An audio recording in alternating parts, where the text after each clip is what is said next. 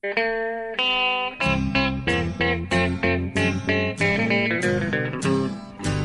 out there, we're on the air. It's hockey night tonight.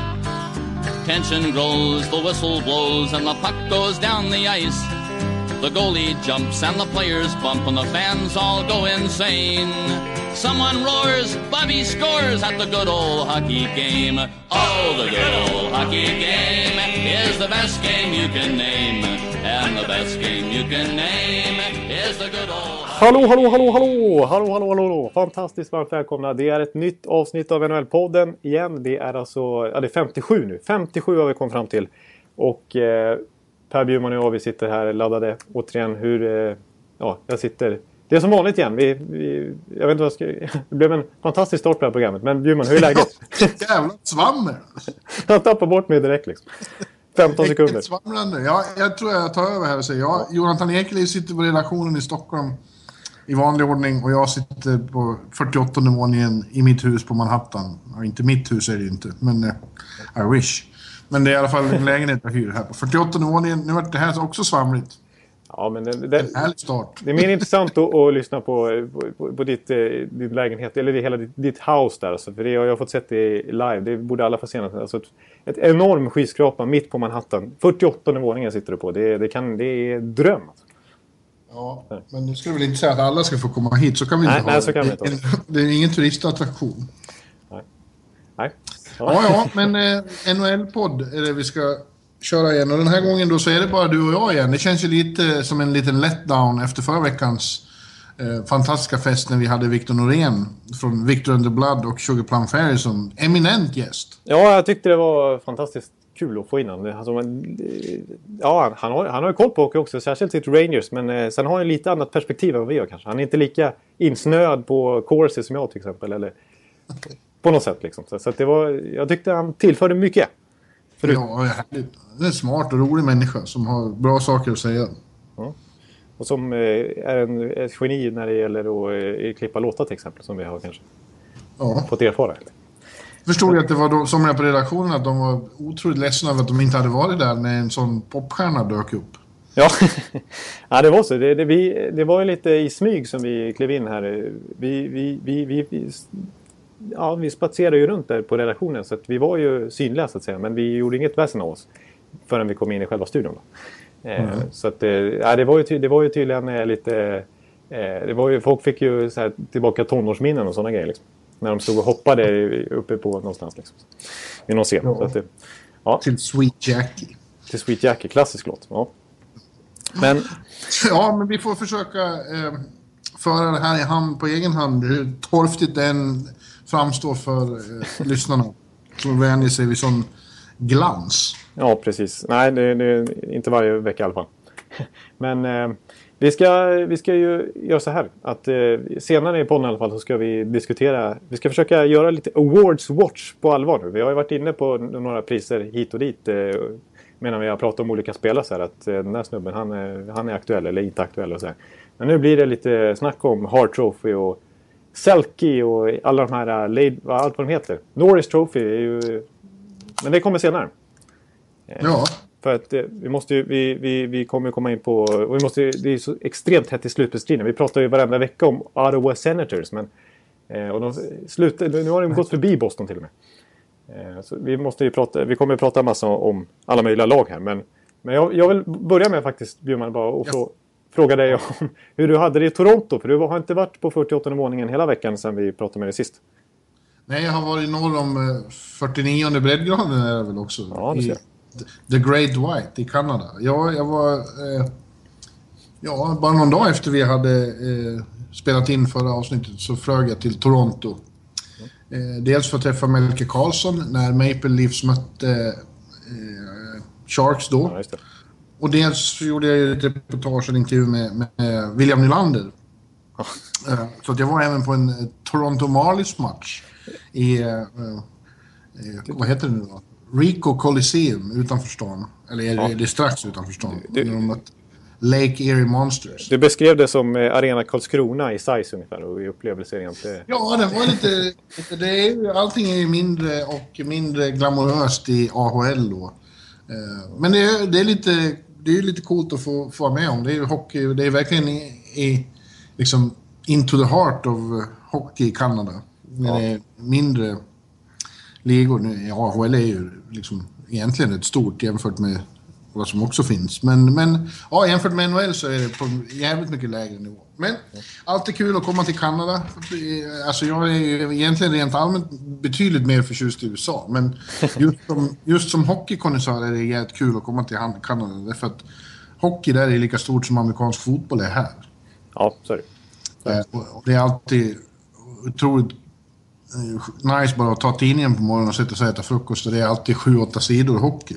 Ja, det är ju helt grymt. Det är som Sun till exempel. Det Alfredsson eh, när han la när de hade en hel eh, bilaga på typ 35 sidor bara Alfredsson. Liksom. Ja, ja och de är, det är tre, fyra krönikörer om dagen i så här Globe and Mail och i Toronto Sun och alla tidningar har så många olika som ska tycka saker. Det är, Ja, och det var roligt. Men det var ju samtidigt så var det ju då, som sagt, först eh, på Toronto Maple Leafs, jag var på en morning skate där i Air Canada Center och eh, har några vänner där som jag var med och det är verkligen eh, det var lite obehagligt nästan att vara där. Det hänger Alltså? ett sånt moln av olycka över hela, över hela det där laget. ja, det, det, det Men känns... alla journalister bara "Oh, want this shit to, to be over so we all can go home.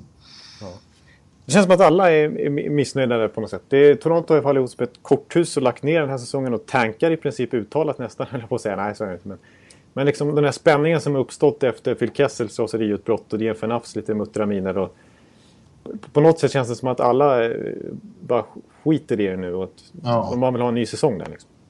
Ja, och det är skitjobbigt även faktiskt för journalisterna. För dels är det obehaglig stämning runt laget och det finns inget mer att säga liksom. Nej. De- De har sjunkit så djupt som man kan sjunka och ja, komma in i omklädningsrummet där. Det var ju trevligt att prata med Tim Eriksson och Joakim Lindström och några av de här nya killarna. De har liksom inte med det där att göra. Nej. De är bara där och försöker sköta sitt jobb så gott det går. Men, men eh, alltså när Kessel går förbi eller Phaneuf eller Kadri går förbi. de- Det är som elektriska fält av fientlighet runt dem. som de utstrålar. Ja. Jag kan tänka mig det. Och, och det är bara så här. Vissa journalister man märker att det är liksom sånt hat emellan. Båda vägar eller? Va? Båda vägar så att säga. Ja, det kan man säga. Absolut. Ja. Och, ja, men, och samtidigt är det ju sån mediasol där, så det, det är ju liksom 40 man på varje träning och uh, morning skate. Fall det händer något liksom, så måste de vara där. För att det är så stort. Ja. Ja, men, eh, ja tråkigt. Men eh, det är kul att vara i... Matchen var inte mycket snack om heller. Sharks, som inte är något storlag precis, vi återkommer till dem Ja. snart. Men de var ju... Så Maple Leafs hade inte en chans. Så länge det var bara 1-0 och, och, och då, då är de ju med. Men så fort motståndarna gör ett eller två mål till, då bara faller det ihop helt. Då är det, finns det ingen lagmoral överhuvudtaget. Nej, men Det- arenan är ju jävligt fin. Alltså, Air Canada Center går inte av för hackor. Nej. I en lyxig hall. Ja. Det var pressläktaren där. Det måste, det må- det Ja, måste, den har varit förr. Jag- Alltså, jag har inte varit så mycket i Toronto. Enda gången jag hade varit där före det här var 2009 när Mats Sundin kom tillbaks till Toronto med, med Vancouver. Ja. ja, just det. Eh, Den här schizofrena kvällen när han buades ut hela tiden tills det vart en eh, jumbotron-tribute. Ja. Då fick han en stående ovation i fem minuter så han började gråta. Sen när den var över så började de bua igen när han hade Ja, det var- Fantastisk kväll. Men eh, ja, det, är en väldigt fin pressläktare så att man sitter... Man sitter det är visserligen högt, men, men det är liksom ändå tajt och nära till isen. Den är dock väldigt trång. så det är så. Mm. Ja. Eh, alltså, I, i, mellan vägg och skrivbord är det för trångt, så de ska tränga sig förbi. Så. Ja, Jag, är, jag är ju ingen... Jag är ju ingen Mats Zuccarello precis. Nej, Ja, just det. Ja, det är klart. Det, det är ju inte som i Carolina kan jag tänka mig vad gäller hur många som är på plats på pressläktaren också. Det, det, det lär ju vara ett, eh, rätt många där, även om det är en ganska menlös Ja. match. Ja. Man hörde det från kollegor också. Tänk Per, vad jag sitter här och ser skitmatch efter skitmatch. Hur många har jag sett? Ja, det är ju så. Ja, men jag, jag måste ändå, för när du var där i Arena Karlskrona höll jag på att säga. Eh, och såg AHL. Det var, ju, det var ju en speciell AHL-match du fick se rent inramningsmässigt också. Jag vet inte hur många plus du ger den här... Eh, ja, det var ju alltså Star Wars Night. Var det inte det? Det var Star Wars Night och det var lite så här, lite... eh, amatörmässigt. Lite så här torftigt. Det kom ut en Darth Vader och Stormtroopers i, i lite så här, ja, satt väl sådär. Och så var det, skulle prinsessan Leia komma ut och sjunga nationalsången och den mikrofonen funkar inte. och, ja. Ja, ja. Men sen så måste jag säga, det- var lite, jag skrev ju om det där. Jag skrev ju om William som ja. Mm. trivs väldigt bra och som jag tror, han kunde inte säga det rakt ut, men jag tror att det är väldigt skönt för honom faktiskt att han inte är uppe hos Maple Leafs när det är sånt här jävla kaos och cirkus där, utan att han får vänta med det till nästa år. Ja, det är faktiskt det, det, precis som du säger som han sa själv i intervjun där. Även om man gärna hade spelat någon NHL-match så är det nog nästan bra att han hålls borta från det. Ja, Det är meningslöst att spela där uppe med den stämningen som är i laget just nu och när de inte har någonting att spela för. Utan snarare är det nästan bra att de förlorar rent eh, draftvalsmässigt. Men, och den kalabaliken som är mediamässigt kring laget nu så är, så är det bara bra att spela där. Eh, I samma stad men i ett eh, annat lag som har... Ja, ja, där han får mycket speltid också. Han är, som du skrev där, han, han, eh, han lirar ju 20 minuter per match i princip. Powerplay, han är i första kedjan och får Ja. förtroende. och dessutom så är jag faktiskt, måste jag säga, efter att ha sett den där matchen, jag har sett lite AHL förut också, men den, eh, alltså det, är, det är bättre än man tror. Det är inte, det är inte total jävla slagskott eh, cirkus alltså. Nej. Ibland är det mycket köra och tuta, tuta och köra säger man. Ja. Eh, Men det är ändå, det är ändå helt okej. liksom. Ja, det tycker Och jag, jag. tror att det är bra för, jag tror att det är bra för en talang som honom ändå. Hur mycket kontrovers det nu än är i Sverige om det och att du, man anser att de unga talangerna ska tjäna mer på att vara hemma och så. Jag, jag vet inte. Jag tyckte det var helt okej hockey. Jag tror att en sån som Nylander som nu ska slå sig in i NHL nästa säsong. Jag tror han tjänar bra på att stå där på tillväxt och utvecklas. Tillsammans med landsmännen Granlund, eh, Löv och eh, Nilsson, Tom Nilsson. Ja, precis. Det är rätt många svenskar där i, nere i, i Marlies faktiskt. Som, som är på SHL-nivå i alla fall höll väldigt bra klass. Ja, Alla ihop har en liten chans att slå sig in i NHL faktiskt. Det är ju det är rätt bra spelare. Petter Granberg tycker jag har en, definitivt en NHL-karriär framför sig. Till exempel. Jan Lund, heter han inte det? Ja, Gra, Jan Lund. Ja, du sa Granberg. Granberg. Ja, Gran, äh, vänta. Ja, Pet, jo, Petter Granberg heter han. Ja, det ser du. Ja. Jag tror du blandar ihop med Mikael Granlund här i våra finska vänner i Minnesota. Ja, det gör jag. Peter Granberg. Petter Ja. Granberg heter han ju. Förlåt. Ja, Jag pratar skit. ja, där är, så länge det är svenska namn så har jag uttals... Eh, har inte större uttalsproblem. Alltså. Nej. Så är det. Ja, ja. ja, men så var det i alla fall. Det var, men det var som, ja, alltid en, eh, en liten kick att komma till Kanada. Ja. Men skönt att åka hem igen med. Säkert om det som väntade hemma här nu i New York då är att Henrik Lundqvist ju verkligen är på väg tillbaks nu, eller är tillbaks. Ja, ja. ja, det fick ju... Redan förra veckan var det presskonferens och eh, träffade honom själva igen också. Då när han berättade att nu får han börja träna igen. då skulle han ha gjort det i fredags, men då hade inte, som han skrev på Twitter, då hade inte hans eh, nya dotter Juli fått eh, eh, något memo om det. Så hon passade på att bli född då, så han missade en träning.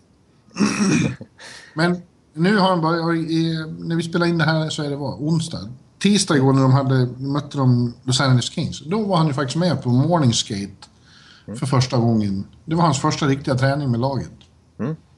Och mediebordet var rent Toronto-artat här också då. Ja. För att eh, är, han är ju stor här. Han är ju kung Henrik som du brukar säga. Ja, så det var väldigt mycket eh, eh, uppståndelse på själva träningen och eh, totalt kaos i omklädningsrummet efteråt.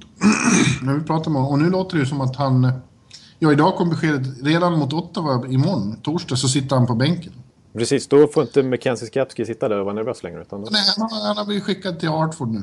Ja. Stackars eh, Mackenzie. Ja. Eh, och eh, ja, sen så gör han väl debut antingen i Boston på lördag eller hemma mot Washington på söndag. Ja. Så det är lite upphetsande. Jag kommer ju väl åka till Boston. Jag, jag tycker det börjar kännas som att han spelar då. Ja, du känner, du känner så? Mm. Ja. Ja, men, eh, det, ska bli, det blir otroligt intressant i många aspekter. Framförallt så är det väldigt glädjande att han är tillbaks. För att det var ju en...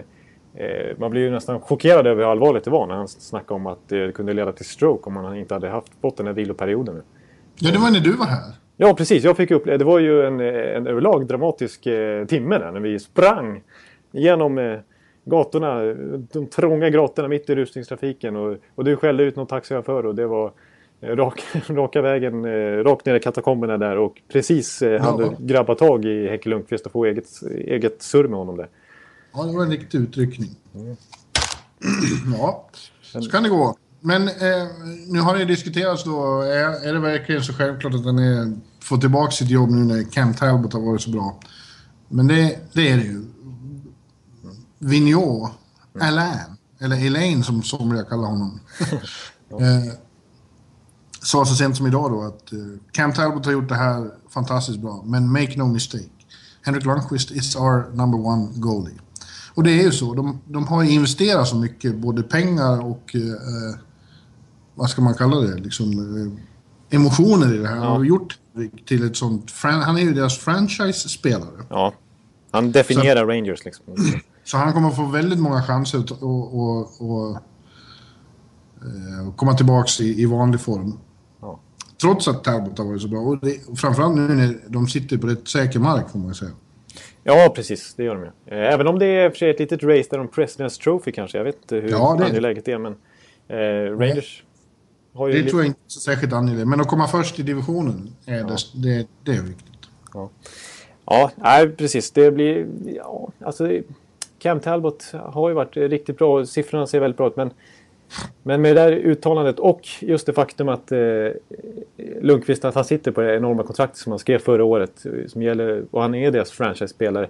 Och det är lite pikant situation med Cam Talbot också. Att han, han, har ju, han har ju naturligtvis inget stort kontrakt än så länge. För att fram till nu hade han knappt bevisat någonting i NHL. Han var ju ett väldigt osäkert kort när Lundqvist blev skadad. Men Ja. eh, nu är frågan hur med Rangers med deras lönestaksstruktur överlag. Hur de ska göra med Cam Talbot. För nu, kan, nu har hans marknadsvärde plötsligt eh, åkt upp ganska högt alltså.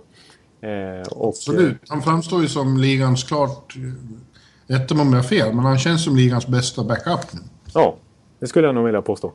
Eh, Och lag som kanske har lite målvaktsproblematik eh, ka- kan tänka sig att att chansa honom. eh, Chansa, alltså kanske till och med offra ett första val för Cam Talbot. Eh, Det, det spekuleras ju i det. Är nu när eh, Glenn Sader har gjort, gjort sig av med så många första val, så vid draften i sommar så kommer kanske han att byta till sig ett första val mot Cam Talbot. Precis, för Cam Talbot han har kontrakt över nästa säsong också så det finns en minimera risken något i alla fall för klubbar som vill tradea till sig honom naturligtvis. Eh, Ja, annars, annars har han ju varit free agent i sommar naturligtvis. Men han är ju, han är väl unrestricted free agent vad jag förstår. Eh, Ja, nästa och säsong. Det, finns ju det absolut de som borde vara intresserade och som har många första val att dela med sig av. Jag tänker på till exempel, nu, nu för Cam Talbots del så låter inte det här så intressant. Men jag tänker till exempel på Buffalo Sabres. Ja, ja precis. Eh, De har eh, mängder av första val. Skulle, eh, skulle absolut kunna kunna offra det för att få in en, en så intressant målvakt. Liksom. Edmonton? Edmonton också. Ja. Även om man... så- Det känns ju tråkigt att behöva sätta Ca- Cam Talbot i något av de här lagen för att de har ju... De, de har ju haft massa målvaktsprojekt som inte har lyckats där eh, så bra. Alltså till exempel Victor Fast var ju lysande i nej. Anaheim men har försvunnit nu. Och Ben Scriven såg ju fantastiskt bra ut som backup i Los Angeles Kings. Och sen kom han till Edmonton och ser lite halvskranglig ut. Och Neuwirth eh, ju- var i och för sig bra i Buffalo men... Och, eh, ja, jag vet inte. Men... Eh, absolut, jag vill Rangers tror- fylla, fylla, på en ny där i sitt system. Alltså, ja, att man tappar så mycket första nu så kanske det ändå är värt. För att, eh, jag, jag tror att Lundqvist över, över tid, även om han är 33 år nu, så kommer han ha många år kvar som en legit number one. Det är inget snack om det. En franchise-spelare för Rangers. Ja. ja, så är det. Men och, och för Rangers del så spelar det väl ingen roll varifrån de får ett första. De skiter väl i om han Ja, ja. hamnar i Buffalo och Edmonton. Nej, Bara de precis. får ett första val. Exakt. Ja, det blir intressant. Men det, jag kommer ju vara jätte... Får jag, får jag erkänna, jag kommer vara väldigt nervös när, när, när Henke gör sin comeback. Därför att... eh, gör han en dålig match eller eh, några svaga ingripanden i början, då kommer det direkt att heta Talbot måste in igen. Ja, det är ju inget snack om det. Alltså i medierna kommer det vara det. Inte nödvändigtvis blöd. Det är vad Ellen Vigneault säger så. här, Men i medierna kommer det ju vara enormt fokus på Henke Lundqvist de här Ja, matcherna. Ja fast, och allra först bland fansen i så här eh, forum och sånt. Ja. ja, just det. På Twitter. I min Twitter kommer det heta. Ja, precis. Henke är slut. Ja, men vi får se. Det blir, det blir väldigt spännande att se. Ja. Vad de vet är ju att de håller fast vid det här, det som vi säger, alla pengarna och alla, alla status de har investerat i, i Henke. Men det är också, de vet ju vad han bidrar med eh, när det eh, kommer till, eh, i slutspel och när det kommer till avgörande lägen. Det är då han är som allra bäst. Ja. Och, och, och sen ska vi inte glömma bort också hans marknadsmässiga värde. Det kanske inte har så mycket med sportsliga att göra, vem som kommer vakta kassen resten av den här säsongen. Men han, alltså på, på sikt är ju, alltså Henke Lundqvist, det har ju kommit fram till, han är Sveriges absolut största NHL-stjärna. Om, om man definierar vad en stjärna är. Och en av NHLs absolut största stjärnor. Han, han Ja, betyder, han är Rangers största stjärna.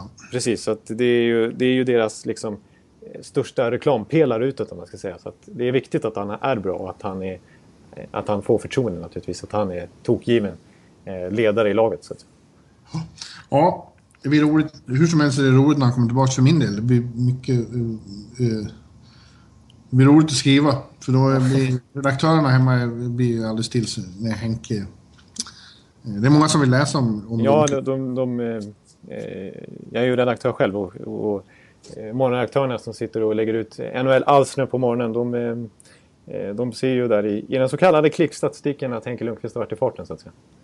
Ja. Det märks. Men det, de ska möta eh, den här veckan då två intressanta lag som vi nu ska gå in på. eh, Som det är väldigt intressant med. Först då åker de till Ottawa och möter Senators och sen möter de Boston. Och de två är ju indragna i en, en vig i östra konferensen här som ju fick en sensationell utveckling i veckan. När Ottawa vann, eh, de slog eh, San Jose. San Jose, just det, precis. Det laget. Och då eh, vann sin sjunde raka och passerade Boston i tabellen. Men de har en poäng mer och en match mindre spelad. Och är plötsligt uppe på sista wildcard-platsen, eller åttonde platsen. Sista slutspelsplatsen. Och det är ju helt sensationellt för att i början av februari så var de fjol, hade de 14 poäng upp. Ja. Och sen fick, gick båda målvakterna, Craig Anderson och Robin Lehner, sönder. De fick förlita sig till tredje målvakten Andrew Hammond och alla trodde att nu är det ju kört. Ja. Istället har de varit med om en rent, det är så här som taget ur en saga. Hur han har i, i, Han har vunnit 15 av sina 16 starter, eller vad är det? Ja, det är, precis. Jag vet inte om han hoppar in någon match, men han står i alla fall noterad för 14 vinster och en övertidsförlust. På, Ja. eh, Precis, så att han har, han har än så länge inte förlorat en enda match på ordinarie tid. Hamburglar, som han kallas, efter en eh, karaktär som är en Ronald McDonald-artad karaktär på McDonalds i Nordamerika. Och det har ju då eh, utlöst en gimmick eh, liknande den i Florida. När de kastar in råttor så kastar de nu in hamburgare på isen i, i Canadian Tire Center. Och jag, jag, jag. Det här kanske många av er vet om. Jag vill ändå lägga, lägga in en brasklack. Han har faktiskt inte fått det här smeknamnet nu för att han varit så bra, utan han har haft det sedan college-tiden. Han har, han har, Ja, ju, han har ju, ma- masken är ju en hamburglar-figur eh, som han eh, gjorde redan i somras. Ja, jo, så är det ju. Det har inte uppst- uppstått nu, men fansen i, i Ottawa har snappat upp det här. Så det var någon match när en slängde in en hamburgare och sen har det bara fortsatt. Och det var en spelare i laget, han, eh, vad heter han? Curtis Lazar. Ja. Han tog av en burgare som kastades in på isen. Riktigt äckligt får man säga. Ja, men jag skulle nästan börja överväga det också om det dök upp en eh, quarter pounder där. Liksom. Det är, Men tänk, då kan ju motståndarfans åka dit och skicka in förgiftade burgare. ja, just det. Det är sant. Det är sant. Det finns en sån aspekt i det hela också. Ja. Mm. Men så det är fantastiskt med Ottawa. Att de, och fortsätter det så här så är ju faktiskt, de är bara fem poäng efter Detroit nu också. På tredje platsen i divisionen. Precis. Och Detroit eh, ser lite skakiga ut, så vem vet, det kanske slutar till och med så. Ja, jag, vet inte om ska, alltså det är, för, ja, det är helt otroligt. Här, för vi har ju med axelryckningar konstaterat eh, Ottawas fantastiska resa här de senaste sex veckorna kan man säga. Eh, för att, visst, visst har vi, vi nämnde dem ju redan för någon månad sedan och sa vi, visst vi måste ju oväntat prata om Ottawa för de har ju gått och vunnit här i flera imponerande matcher Kan i du inte säga Kalifornien. Senators istället? Senators, förlåt. Att säga Ottawa. Nej, det blir... Ja, jag vet. Usch! Ja. Men, eh, ja, men det kommer jag ihåg när vi diskuterade för några månader sedan. De hade slagit både San Jose och... Eh, eller i alla fall... eh, Ja, de tog väl Han har allihop slagit alla Kalifornienlag. på bortaplan. Exakt. Ja. Eh, och det var ju Hammond som stod då. Eh, och det var ju... Vi tänkte så här, det är lite som Troy Grosnick i San Jose när han kom upp. Eller som Scott Darling i, i Chicago. Lite, lite så tänkte jag i alla fall. Eller Rob Sepp när han vann en match för Philadelphia tidigare säsongen. Att, eh, Inte att eh, Andrew Hammond skulle vinna 14 matcher liksom. Eh, och, eh, alltså de har ju... eh, Vad som jag tyckte var lite svindla, svindlande också med det här det är ju att eh, som James Myrtle, en av dina som du säk säkert träffade på kanske i Toronto där. En av deras klassiska reportrar där. Eh, twittrade ju att för sex veckor sedan då, då var Toronto före Ottawa Senators i tabellen. Ja. Ja. Och nu skiljer det 25 poäng mellan Toronto och, och Senators. ja. ja. Det är en enorm alltså, skillnad. Det handlar inte bara om hamburgers, ska man ju ha klart för sig. Hela laget har ju spelat otroligt mycket bättre och lyft sig. Eh, Erik är på väg eh, mot riktig EK65-form och, och Mike Hoffman har varit en sensation och ja. Mika Zibanejad har slagit igenom på riktigt ordentligt nu. Ja, han har varit jättebra faktiskt. Eh, Inte minst sista veckan har han gjort eh, mycket, mycket viktiga mål. Liksom. Ja. Snygga mål också. Ja, ja. Och en som Mike Hoffman som du nämnde, det är ju vissa som till och med har han som någon slags eh, Calder Trophy-kandidat här. För att han Ja. gjort mycket viktiga mål och sådär. Och även Mark Stone, 51 poäng. Precis. Eh, Det är sånt som man väntat på i flera år, att det skulle lossna någon gång. Nu har det gjort det ordentligt. Ja. Och, men, men, ja. Och det, de har bytt ju tränare tidigare säsongen när Cameron kom in. Eh, Ja. Det har ju gett en enorm effekt uppenbarligen också. Men jag fattar inte. Jag, jag förstår inte hur, ändå hur Centers kan få ut så maximalt av den här truppen som på pappret fortfarande inte ser så jätteskarp ut. Eh, Nej, det är de så har- det känns. Det känns som när de... Nej. Och det, jag tror det känns så för andra lag också. Nej, vi kan slå dem. Ja. Det är klart vi kan slå dem här. Ja. Men grejen är att om de kommer in i slutspelet, om det här håller nu då, om de fortsätter så, och kommer in i slutspelet i den här uppsvingen. Ja. Då skulle inte jag vilja vara de som möter dem. Tänk om Montreal ställs mot dem igen. Då åker Montreal direkt. de kan inte spela mot Ottawa. Nej, de har ju jättesvårt med dem. Ja, Ja, ja, ja, ja, ja, jag kan tänka mig. Och det, rent, man tänker så här också att det borde göra dem än, rent logiskt, inte som det har sett ut den här säsongen, men rent logiskt så borde de bet, bli bättre också när de får tillbaka alla de här skadorna. Clark McCarter är tillbaka snart. Eh, Craig Anderson kan i alla fall backa upp Hammond snart. Eh, Ja. eh, Chris Neal är tillbaka efter sin tumoperation också. Så att, Ja. eh, då, borde de, då borde det ju lyfta och bredda dem ytterligare. Liksom. förlåt. Det har jag missat. Har han skadat tungan? Tu, nej, inte tungan. Nej, tummen. Tummen? Ja, precis. Så tungan? Ja, tungan har varit stökigt. Han har kanske, det är ju en, i en fight han har skadat sig. Han skadade tummen i en, Man kan ju skada tungan i en fight om man skulle råka knipsa av tumman på, tungan på något sätt i någon eh, konstig... eh, Få något slag över ansiktet. Jag vet inte. Eller prata så mycket skit som han Ja, det är sant. Det är, där är det mer logiska. Ja, just det. Ja, nej men... eh, Och, ska jag säga Ja, så, nej, det är intressant. Men, men deras främsta rival här om den här platsen då, vad ska vi säga om dem? Om Boston som med eh, nio matcher kvar av grundserien ligger utanför slutspel. Vem hade, fan hade trott det? nej, det hade vi... Nej. Vi var ju inne lite grann på... eh, Tidigt under säsongen att det, man såg på Boston att det var inte samma geist i dem. Liksom, men man, trodde all, man såg dem ändå som ett givet slutspelslag naturligtvis. Ja, jag tycker jag har hört hela tiden nu de senaste veckorna att alla säger ja, ja, ja. Men det kommer ordnas, de kommer, det kommer, ja, ja. Men det vet i fan alltså. Nej. det, det, det är något som absolut inte stämmer där. Och dels har vi pratat om att det är vissa... Att Chara kanske är gammal, att vissa saknas och så här, Men det, ett av de största problemen verkar ju vara att Claude Julien inte klarar av att motivera dem. Trots att de spelar så oerhört viktiga matcher, när så mycket hänger på spel, så är de utan riktig... Eh, spelar utan riktig glöd och oinspirerat. Precis, det, det, Det är anmärkningsvärt. De blir som, som man säger i... Eh, eh, som, som de kanadensiska kommentatorer eller amerikanska brukar... De snackar ju mycket om out. Eh, som ett prefix framför någonting. Att de blir outworked, outshot, Ja. out, allt det där. Det känns som att de... De har inte den här desperationen i spelet. Nu har de ju mött både... Och förlorat eh, alldeles nyligen mot både Florida och Senators. Ja. Och i båda fallen så har det handlat om att de har inte varit lite, lika intensiva som sina motståndare. De har inte brunnit lika mycket för att vinna. Liksom. Det är det som är den stora grejen. Ja, nej. Florida, ja, de är ju fyra poäng bakom Boston, fem, åtta. De är väl fortfarande med i racet, men jag tror det, de får väl ändå svårt att komma ikapp. Ja, det känns som att de har bränt lite chanser själva också faktiskt. Det, Ja. det studsar inte riktigt deras väg. Faktiskt. Jag vet inte vad Boston ska göra. Så, samtidigt känns det som Tuka Rask har en so-so season. Ja, han hade någon period i... om det var januari, februari ett, ett tag när hela Boston var rätt vassa och Tukarask såg nästan Vessina-mässig ut. Men nu har det varit...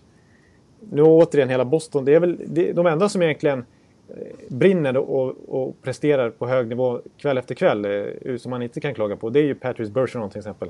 Och eh, Brad Marchand ser också bra ut tycker jag. Men, mm. eh, men det är många där som... Eh, du, du nämnde ju där att visst, Chara har varit skadad och det är mycket, många som gnäller på det och även Seidenberg. Men det är klart att det har ju en effekt på laget. Alltså att för, alltså, båda, sen förra säsongen kan man säga har båda uppenbart blivit sämre. För dels har de blivit äldre men sen så åkte ju Chara på en ganska allvarlig knäskada till den här säsongen. Och det påverkar honom och Seidenberg hade ju stora knäproblem förra året. Så de har två äldre backar som sitter på långa kontrakt som har haft knäskador på dagar. Det känns ju inte så lovande för framtiden heller. Eh, Nej. Och Johnny Boychuk tappar dem. Så jag, jag, jag, skrev upp deras backuppsättning nu också. För den är ju inte, om du jämför med Rangers till exempel, så det här låter ju inte som ett eh, givet slutspelslag. Chara, med tanke på hur han ser ut nu för tiden. McQuaid, Torrey Krug, Dennis Seidenberg, Matt Bordkowski och Trotman. Nu tappar jag vad han heter i förnamn. Men McQuaid börjar ju bli riktigt bra. Ja. Eller hur? Ja, precis. Han är, han är, I hans del, han har också haft skadeproblem tidigare men han börjar faktiskt hila ihop lite grann och ser bra ut. Men... Eh, Nej, men det, men det här med motivation, att, att somliga inte ger allt. En sån som Lucic eh, har ju fått mycket kritik. Ja. Luch. Det är konstigt, för han känns ju som en sån här inspirationsspelare och som spelar på adrenalin och ilska. Och... Precis. Det är så man har sett honom flera år i rad. För att så sent som förra säsongen så vann ju Boston President's Trophy. Bästa ja. laget i grundserien året innan var de i final. Så att, ja. eh... Jag tittade på... Jag gjorde misstag att gå och titta på mina Stanley Cup-tips eh, inför den här säsongen. Det var inga bra tips överhuvudtaget. Jag har typ... Boston-Chicago hade jag i final. Alltså. Ja. Det känns inget, det känns inget bra. Varför, varför tippar jag det för? Varför stoppar du mig inte? ja, men, eh, jag vet inte vad jag sa. Jag vill inte tänka på det för att jag... Nej, det vill jag inte göra. Men eh, jag kände väl också så då att... Att Bruin känns ju som en... Det, här, det har vi pratat om så många gånger, inte minst förra säsongen i podden. Hade du också Boston i final? Jag vet inte, förlåt. Jo, säg nu då. Nej, men jag vet. Jag, vet, jag, jag kan tänka mig det, men... jag tänkte på det häromdagen också, att jag, jag hade nog Boston där någonstans. Men eh, men man, man, man, har ju fått bilden av lite, alltså, som någon slags light-version av Los Angeles Kings. Det här med att de är en maskin och att de tänder till i slutspel. Och, de där, och i grundserien så, är, så rullar det bara på liksom, som ett tåg.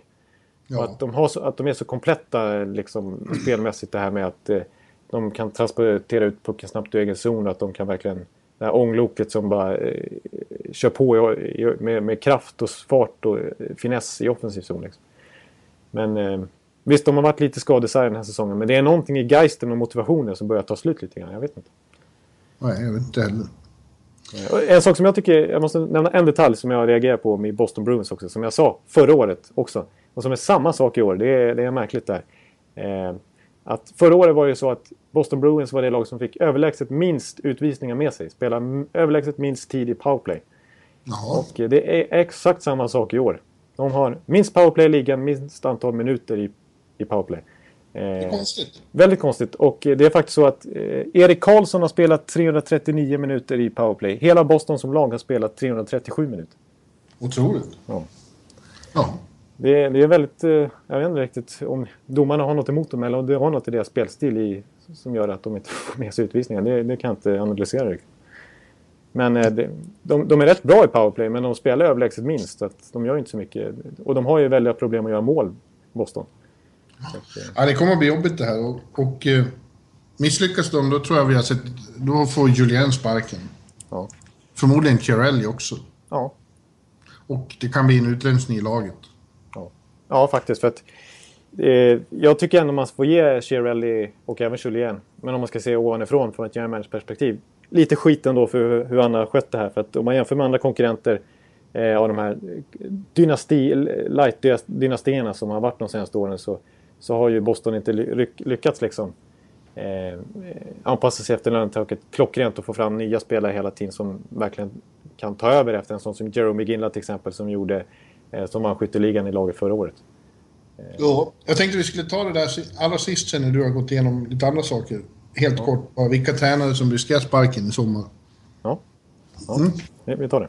Eh, vi ska ju... Ja, absolut. Men först ska vi titta på den andra i, i väst också, för det är minst sagt drama där med. Och vi har, ett, vi har en motsvarighet till Boston, fast mycket värre. Ja. Det är ju San Jose Sharks då. Ja. Ja. Det är kört för dem nu, skulle jag vilja påstå. ja, det är totalt kört. Det, De det finns inte en är chans. från slut. Det är bara Edmonton och Arizona som ligger efter dem i, i tabellen i väst. Det är ju otroligt. Och de har åtta poäng upp till... Eh, ja, det blir det. Åtta poäng. Ja, det är för mycket. Och de, bara för någon månad sedan när vi... Ja, när, vi, när de var med i, i den här Road to Stadium Series så låg på slutspelsplats i princip. Det var ju, då var de ju fortfarande i allra högsta grad med i racet men det såg lite torftigt ut. Eh, det, det har gått eh, stadigt ut för sedan dess. Ja, och tror, alltså, den här matchen som mot Toronto, då, fick de ju till det. Men det var ju för att Toronto inte var bättre. När man ser dem mot, som mot Ottawa så är det bedrövligt att se. Hur, eh, hur, de, hur, hur de också känner sig geistlösa i den här enormt pressade situationen.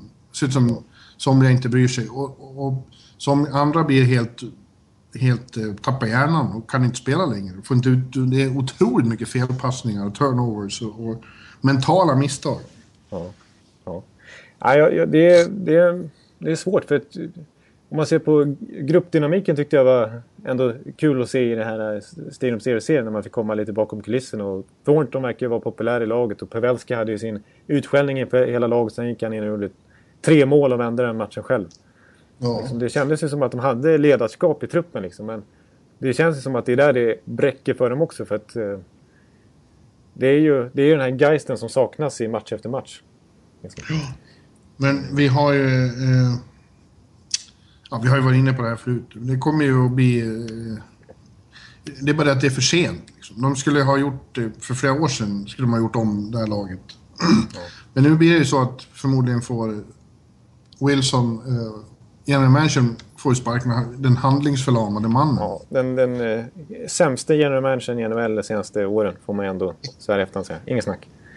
Och eh, förmodligen får Todd McLennan också sparken fast jag tror att det är en väldigt, väldigt bra coach.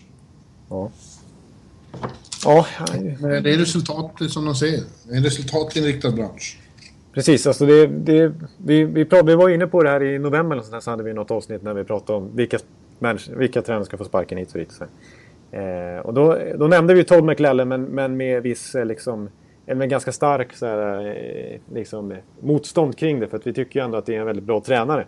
Och ganska snart senare så hade ju, avslutade ju San Jose 2014 med att vinna väldigt många matcher och, och rycka upp sig ordentligt. Och det kändes som att eh, det var helt rätt att behålla McLellan och han hade fått han, är, han visar liksom, i det där pressande läget vad han går för och det, de fick igång San Jose igen. Men nu känns det som att det Ja, alltså hur, hur bra han än är så känns det som att eh, efter ett tag så kanske det blir klyschor av det han säger liksom, till sina spelare. Och det, det, liksom, det går inte att, han, han kan inte hitta på nya grejer för att få gruppen att vakna. Liksom.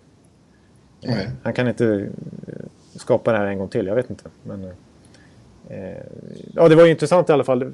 För, det var, hände för någon vecka sedan nu, men det här, det här är extrema, sensationella eh, mediala dusten mellan Thornton och Wilson. Där, ja, ni, ni flesta har väl hört talas om den när, när Wilson...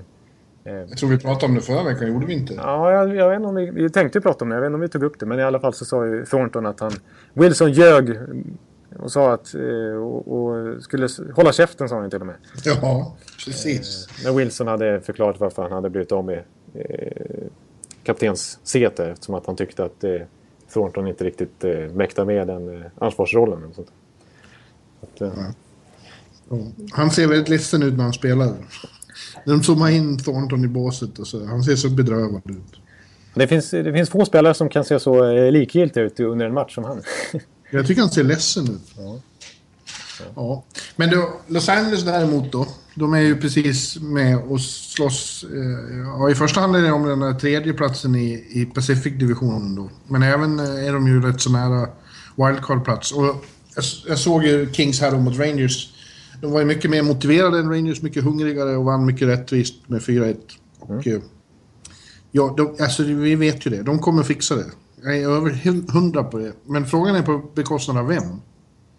De är, när de får kniven mot strupen så bör de spela och sen så kommer det inte vara kul att möta dem i, i playoff nu heller. Nej, Kom det, ihåg. Alla kommer hem. Ja, det är inte samma Kings som förut. Nej, vi får väl se. Ja. Nej, men eh, det, det, det, undrar hur Vancouver känner om, om de... För de ser ut att sluta tvåa i, i divisionen. Eller det är inte säkert att det blir så. men- Kings. De kan få Kings, men just nu ser det ut att vara Calgary. Så att, Det skulle vara jävligt roligt. Ett Kanada-derby där. ja, precis. Men jag kan tänka mig att de eh, lite hellre möter Calgary än Los Angeles Kings. Till. Ja, det tror jag alla gör. Eh, om nu Vancouver själva håller, men de har gjort det riktigt bra på slutet. Väldigt imponerande vändning mot Winnipeg igår natt. När de ligger under med 2-0 efter halva matchen och sen kommer tillbaka och vinner med 5-2. Ja. Ja, För, för, har fått tillbaka eh, skadade spelare och ser stabila ut. Jag pratade med Henrik Sedin efter matchen. Han, han tyckte det var väldigt inspirerande just nu. Ja. Sedin som för övrigt, båda Sedinarna som är starka nu på slutet. Gör mycket poäng och så. Ja. Minnesota ser också väldigt starka ut där på, på sista, på första wildcard-platsen. De är inte så förfärligt långt efter Chicago. Alltså skulle kunna ta, skulle kunna nypa dem där. Och jag säger det alltså, jag tänkte att ingen vill möta Minnesota i första gången. Det kommer inte att bli kul. Nej, för de har ju fått tillbaka självförtroende. Och där måste jag säga dock eh, nu, att vi skämdes lite över vårt Boston-tips. Men, men nu kan jag för en gång skulle med lite glädje stoltsera att jag hyllade Minnesota så mycket inför säsongen. För det kändes ju hemskt där när, det, när, det, när de kapitulerade fullständigt i januari där. Och, och Ja. Darcy Kemper var katastrof i målet. Och, då, och, det var, och vår vän eh, Mike Joe skällde ut dem och använde Bruce Det var så du sa att det skulle bli Boston-Minnesota. Nej, det tror, jag, det tror jag inte jag sa. Men jag, jag tror jag lyfte fram eh, båda lagen speciellt. Det kan jag ha gjort. Men eh, Jag såg vår vän, gamle vän Adrian Dater från Denver Post, numera sparkad. Han skrev på Twitter igår att eh, förra säsongen så hade han sagt Minnesota-Tampa. Och det känns väldigt bra tips just nu. Och det är... vilken, eh, vilken final! ja, men alltså, ja, det skulle vara vä- väldigt intressant. Nej, men eh, Minnesota, nej, de, de, nu när jag, jag vill hävda att det var just det där, även om jag eh, sa att eh, det, här kan man ifrågasätta min, eh, vad jag, vad jag, ja, min expertis så att säga, när jag hyllade Darcy Kemper som en, inte som en bra NHL-målvakt, men inte som en problema, pro, ett problem för, för Minnesota. Men han var ju katastrof och Niklas Bäckström har ju definitivt parkerat, passerat scenet också som keeper. Ja. Men, Värst är att du, som alla andra, fnös när de tradade till sig. Ja. Ja, precis. Nej, verkligen. Jag tyckte det var, kändes eh, helt fel val. Men alltså, eh, nu när de har en sån... Alltså Devin Dubnik eh, har ju varit helt otrolig. Han har ju spelat 32 raka matcher sedan han kom. Han har vunnit 24. Eh, och han, har, han är ju 94 procent tror jag. Helt otroligt bra har han varit. Helt, det, det är ju en Andrew Hammond-saga nästan. Eh, Ja. Eller det är det ju. Han är, jag tycker nästan Devin Dubnik är en outsider till Hart med tanke på att Hart definieras som most valuable player. Så som Ja. han har betytt för det här laget. Det är ju, snacka om värdefull spelare. Eh, Men, eh, eh, men det, är- det, alltså, jag, jag tycker att Minnesota är ett, nästan ett komplett lag. För jag tycker de har en bra backuppsättning, jag tycker de har en bra coach. Och jag tycker de har en väldigt bred offensiv. De har han kanske inte den där bärande första kedjan men de har väldigt många kedjor som kan pre prestera. Och de har ett ungt lag och ett lag som är hungrigt och som älskar att liksom forechecka och ligga på sina motståndare. Liksom. Vilket eftertryck! Ja, men de är jobbiga att möta Minnesota. Jag, jag, jag tycker de är roliga att titta på också. Så att eh, Ja. de känns liksom jobbiga de, att möta över en sju serie liksom. jag, Och jag, tänker, jag kan tänka mig att så som de presterade mot Chicago förra året känns det som att de borde vara eh, redo verkligen för att gå ännu längre den här säsongen. Ja, det blir final. Det kan bli final faktiskt för Minnesota. Minnesota-Tampa. Vilken final. Ja, ja men... eh, Bara- Bara backar från Sverige på isen. Ja, just det. ja, just det. Två i Tampa och två i Minnesota. A lot can happen in three years, like a chatbot may be your new best friend. But what won't change? Needing health insurance. United Healthcare Tri Term Medical Plans, underwritten by Golden Rule Insurance Company, offer flexible, budget friendly coverage that lasts nearly three years in some states. Learn more at uh1.com. Men, men, men när vi ändå, ä- även eh, nämner Minnesota som ett potentiellt finallag så vill jag ändå säga att, att det, det ska man ändå eh, påpeka att både Chicago och Los Angeles ser ju trots allt lite sämre ut den här säsongen. Ja. Men det har, vi- det har vi ju sagt förr. Ja. ja, det har vi sagt förr och de kommer vakna till. Men det är ingen, just nu är det i alla fall ingen Patrick Kane i... i eh, Nej, just Chicago tror jag i så fall är min, mer... Om jag var Chicago-fan skulle vara mer oroad än Los Angeles-fan. Ja. Ja, det, det känns lite ihåligare på något vis i Chicago. Konstigt nog tycker man att med, med den centeruppställningen de har så borde det kännas enormt svårslagen. Men ja, we'll see. St. Louis ser också grymma ut. Bra match mot Pittsburgh igår som de vände 2-0 och, eh, och vinner på övertid med fin Alex. Ja, ja. Det blir, 99 det... poäng. Det är många som har 99 poäng och så Montreal på 100. Ja. ja men, eh, mm. En sak som jag får säga med LA Kings då, apropå att de känns lite... Det, de kom, de, ofta, det är många av de här spelarna som ser lite halvdåliga ut. De, de, de har ju flera gånger om vaknat till i slutspel. Eh, Justin Winnup till exempel. Men Dustin Brown ser ju sensationellt dålig ut nu. Alltså nu i mars, den här viktiga månaden. Han har på 12 matcher i match, minus 7 och en assist. Ja, men han spelar ju bara i slutspel, han, i nästan. Han är ju, värd, han är ju värdelös i grundserien och sen blir han jättebra i, i playoff. Han är väl så. Eh, igår så var det ju den här uh, Kopitar, Justin Williams och Gabrick såg riktigt bra ut. Och framförallt Kopitar. Oj, oj, oj, oj. När han, när han vill. Ja. Fy fan vilken bra hockeyspelare. Ja. Nej, det där är precis motsatt statistik. På 12 matcher i mars har han 14 poäng. Så han har verkligen steppat upp nu när det börjar bli viktigt på allvar här. Att ta en slutspelsplats. Men vilka, vilka, om vi säger att de går till slutspel då, vilka försvinner? Calgary, Vancouver eller Winnipeg? Ja, det är ju det är inget snack om att det känns som att det står mellan de tre lagen. Något av dem som får... Ja, det, det är svårt att säga för att jag... Spontant så säger jag faktiskt Calgary, men... Eh, men eh, de, de upphör ju inte att eh, prestera på en hög nivå. Alltså, Nej, de gör ju De sprattlar på som fan. Jag, jag, de kommer fortsätta på samma väg känns det som. Det, det blir ju viktiga och viktiga matcher för dem också. De kommer ju inte ge upp utan de blir ännu mer taggade liksom. Så att, eh, och de, de, ser ju bra ut liksom. De gör ju eh, fantastiska matcher eh, match efter match. Även om de är motbevisar alla, alla oss Corsi-nördar för att de har ju dåliga siffror och de blir ofta outshot. Men de blir inte outworked. Nej. Och... Um, Eh, där, där, har vi också fantastisk utveckling på, på många unga spelare som verkligen kliver fram. Johnny Gaudreau är en Calder Trophy-kille vi kommer att prata om. Men Sean Monahan i sin, sista, sin andra säsong här har gjort en fantastisk... Han har över 50 poäng han med. Och Jiri Hudler är ju nästan en poäng per match. Det trodde jag inte när han lämnade Detroit att han skulle Nej, vakna till liv så. Nej.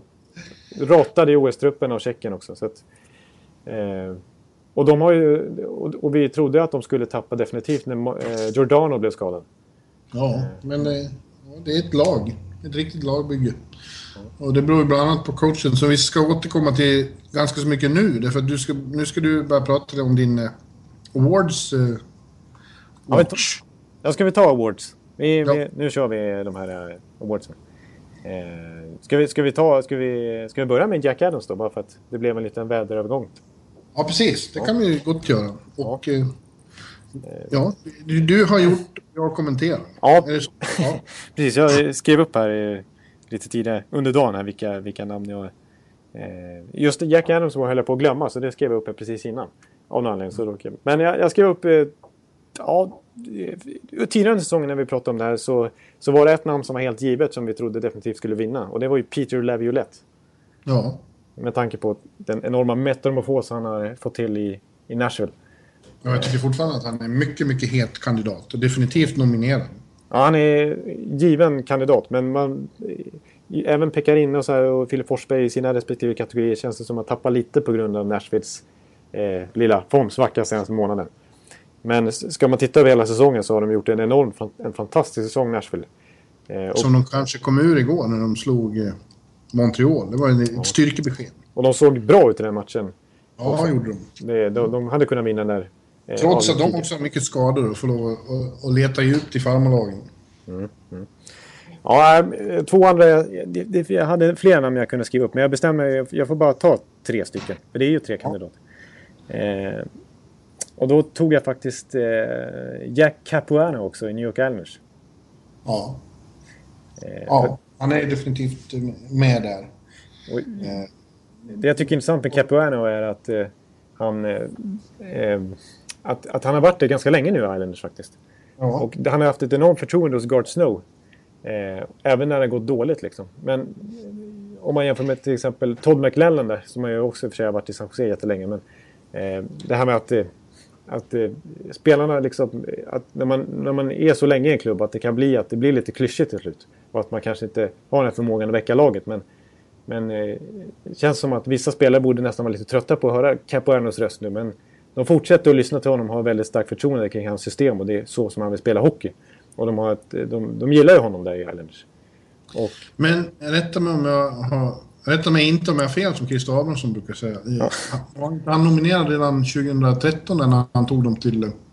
ja, Nej, 2012 var det väl? ja, nej, Jo, 2013. när han tog dem till slutspel.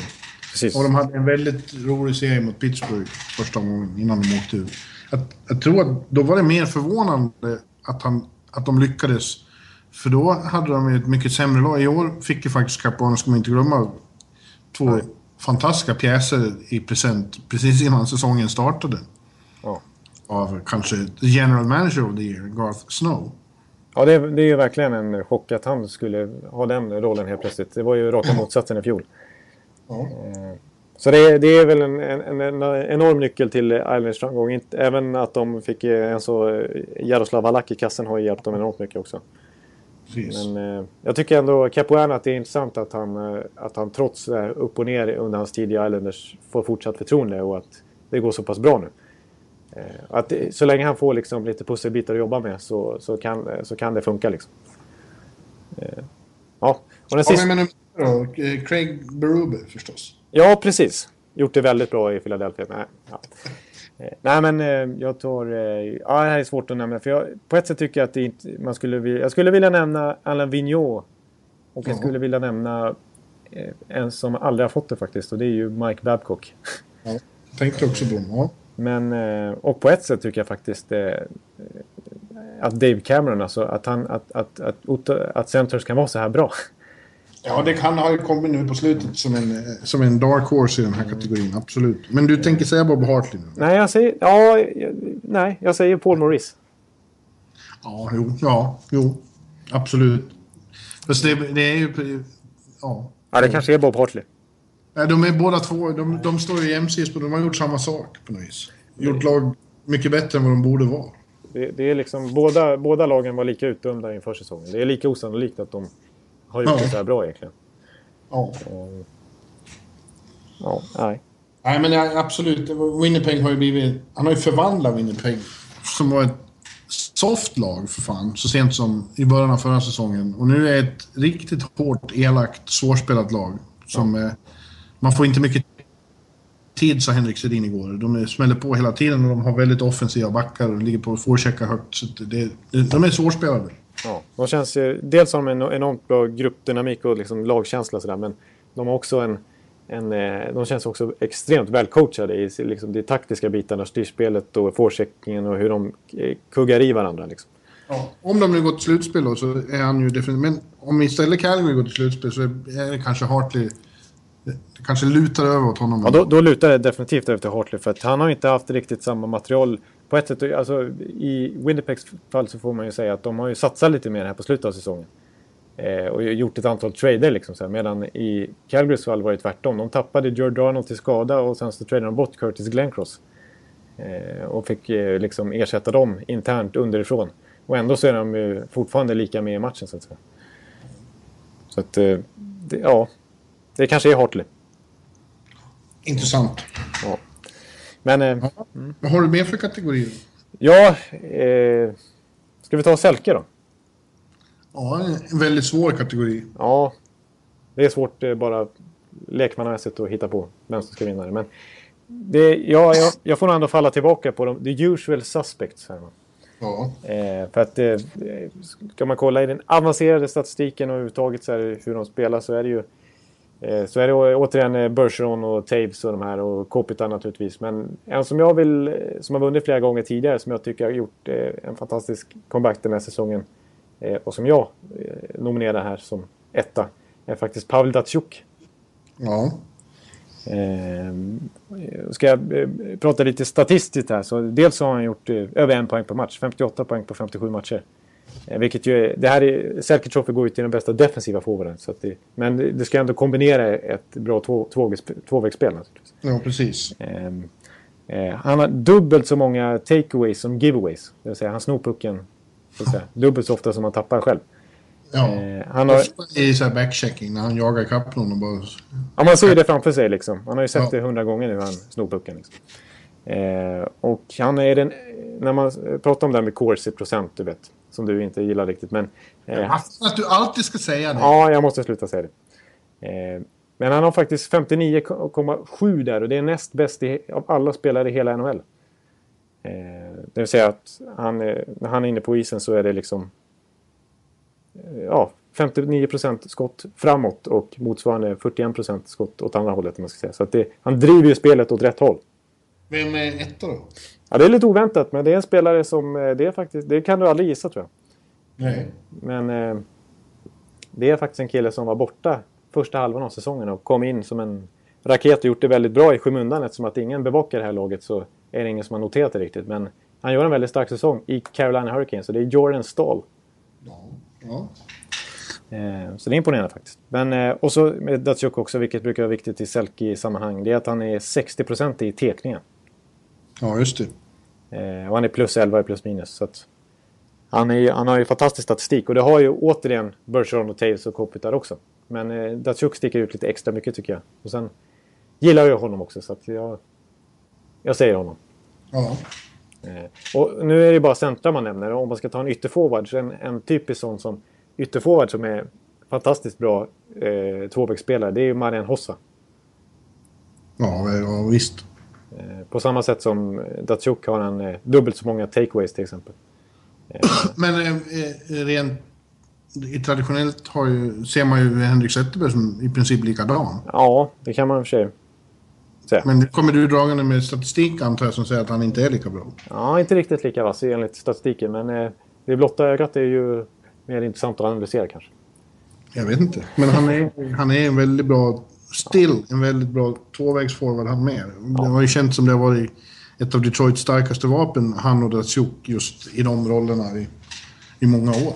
Ja, ja absolut. Det, det, Jag vill, jag vill nämna en till som aldrig, aldrig nämns, i de här sammanhangen, och han kommer aldrig i närheten av awards, känns det som, fast han är så bra. Och det är ju Bäckis, då, Niklas Bäckström. Ja.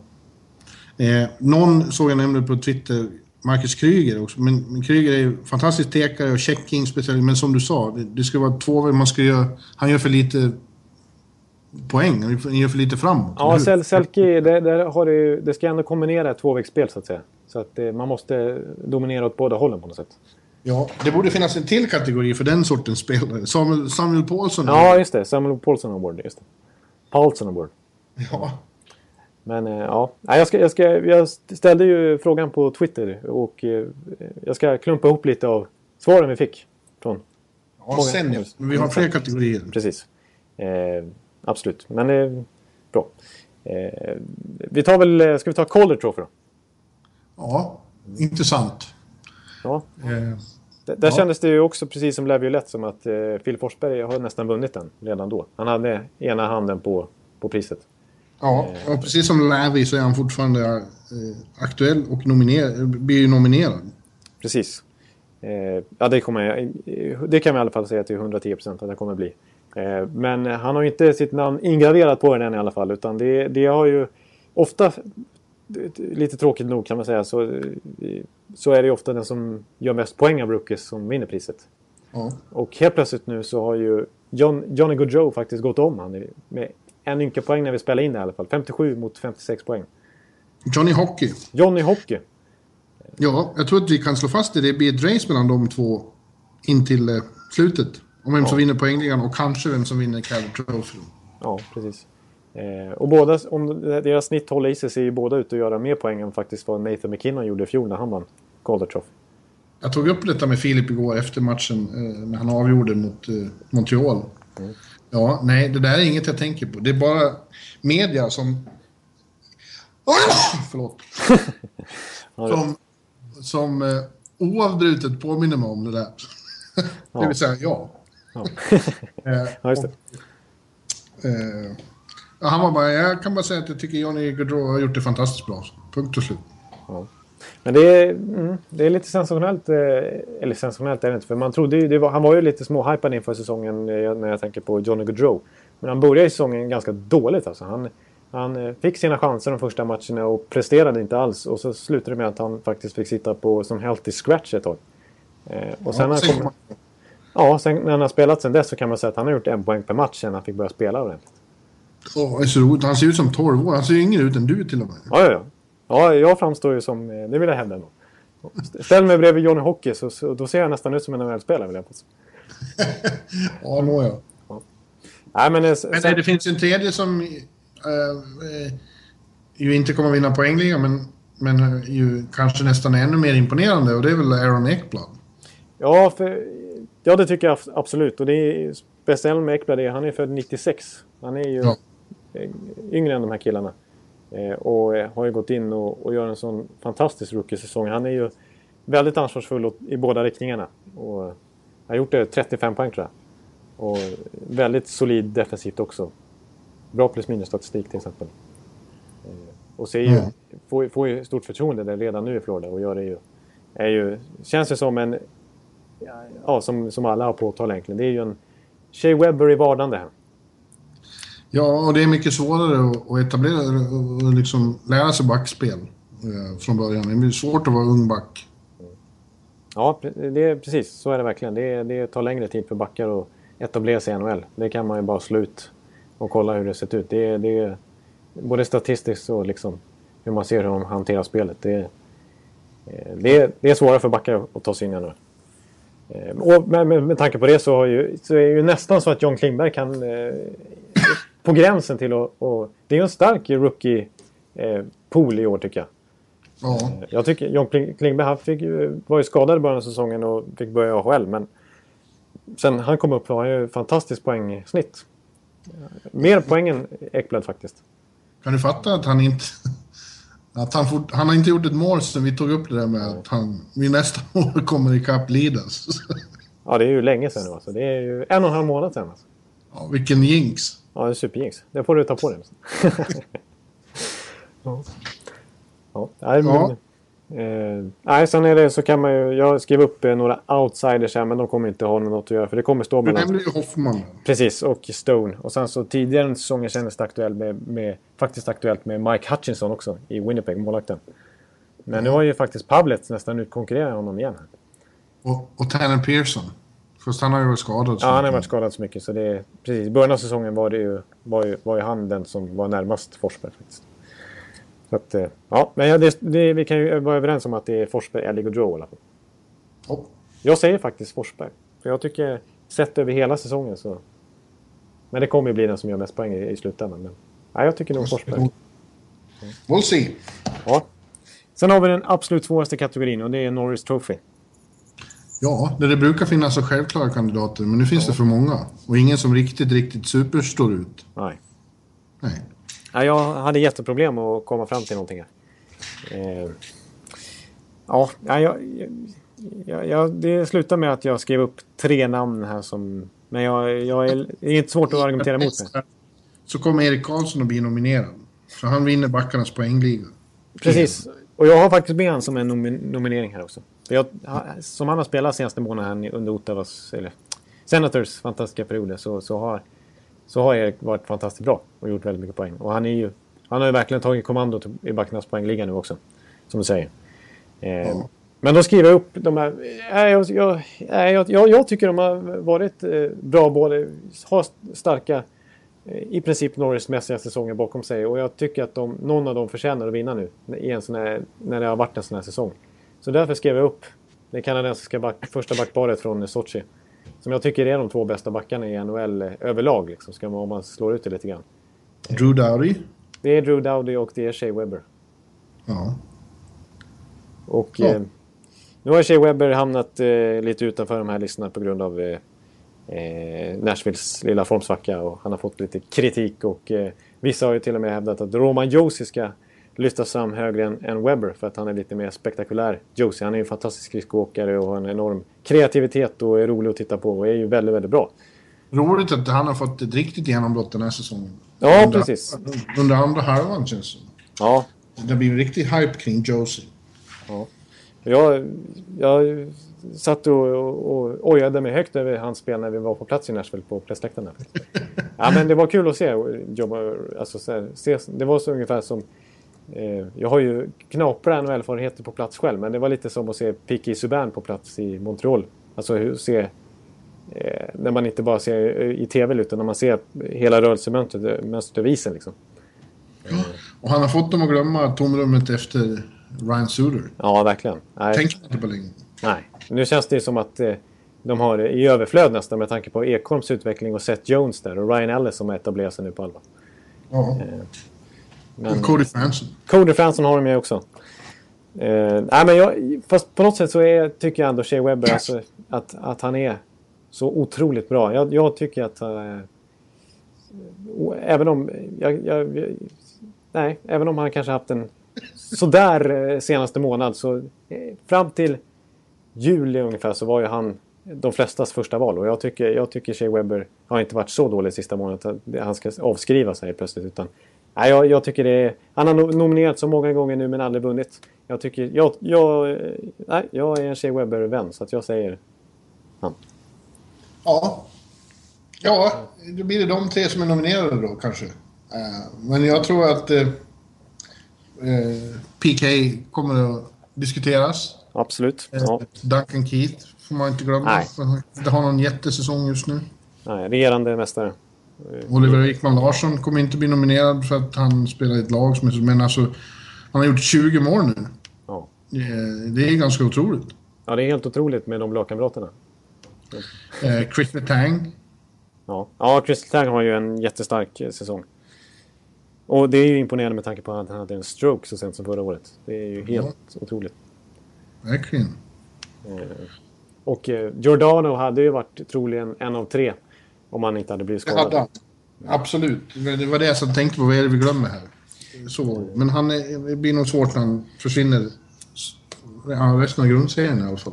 Ja. Samtidigt så vill jag ändå påpeka i Calgarys fall att de har ju fantastiskt många bra backar som gör enormt bra säsonger, alltså, som gör sina bästa säsonger i karriären. Alltså Dennis Wideman har ju verkligen klivit fram nu på slutet och gjort väldigt mycket mål och poäng och, och TJ Brody har ju en jättestark säsong. Och även Chris Russell. Eh, så det är inte bara Mark Giordano där i Calgary utan de har en bra backuppsättning faktiskt. Och eh, nu var det faktiskt så att eh, Douglas Murray fick ju inte plats i den. Han blev ju släppt nu idag. Så, så Precis från sin tryout där. Så att, eh. Men du, eh, och Victor Hedman hade varit aktuell om han hade inte blivit skadad utan bara fortsatt som han började säsongen. Då tror jag han hade varit i Norris Trophy. Ja, för, precis. Vi, vi, det var ju inte bara vi som sa det i början av säsongen. att han såg Norris-mässig ut de första matcherna när han öste in poäng där. Och nu, sen hade, hade han en ganska trög start när han kom tillbaka. Eh, mm. Men nu, nu är ju han fantastiskt bra. Tampa Bay är ju... Nu är jag ju extremt färgad där, men Tampa Bay har ju sett eh, jättestark ut sista veckan vill jag säga. Jag tycker Strålman ska få något pris också. Ja. Han kan få Hart. Ja. ja. Nej, men... Ja. Eh, Vessina då? Där är, vi, där är det mer... Ja, där är det ju... Det är ingen diskussion där. Det, det lär ju bli Carey Price. Ja, det måste ju bli Carey Price. Karina har varit en, en stark utmanare och vann ju matchen igår, men... Och kommer att vara nominerad. Det känns som det har stått mellan dem, men det, det diskuterade vi redan förra veckan. Carey har ju ryckt loss och är så otroligt viktig för Montreal. Ja, precis. Alltså, Pekkarine, så här, han, han ledde ju det racet fram till han blev skadad i januari. Då, ja. då kändes det som att Pekkarine var nummer ett. Och då var ju Nashville så otroligt bra och ledde NHL ganska klart. Tillsammans med Anaheim där. Ja. Eh, men nu, nu, har, nu är det plötsligt Montreal som leder hela NHL när vi spelar in den. Och eh, det, det sensationella i, i Montreals fall det är ju att de har gjort så otroligt få mål. Toronto har ju alltså gjort två, bara två mål färre än, än Montreal. De gör inga mål.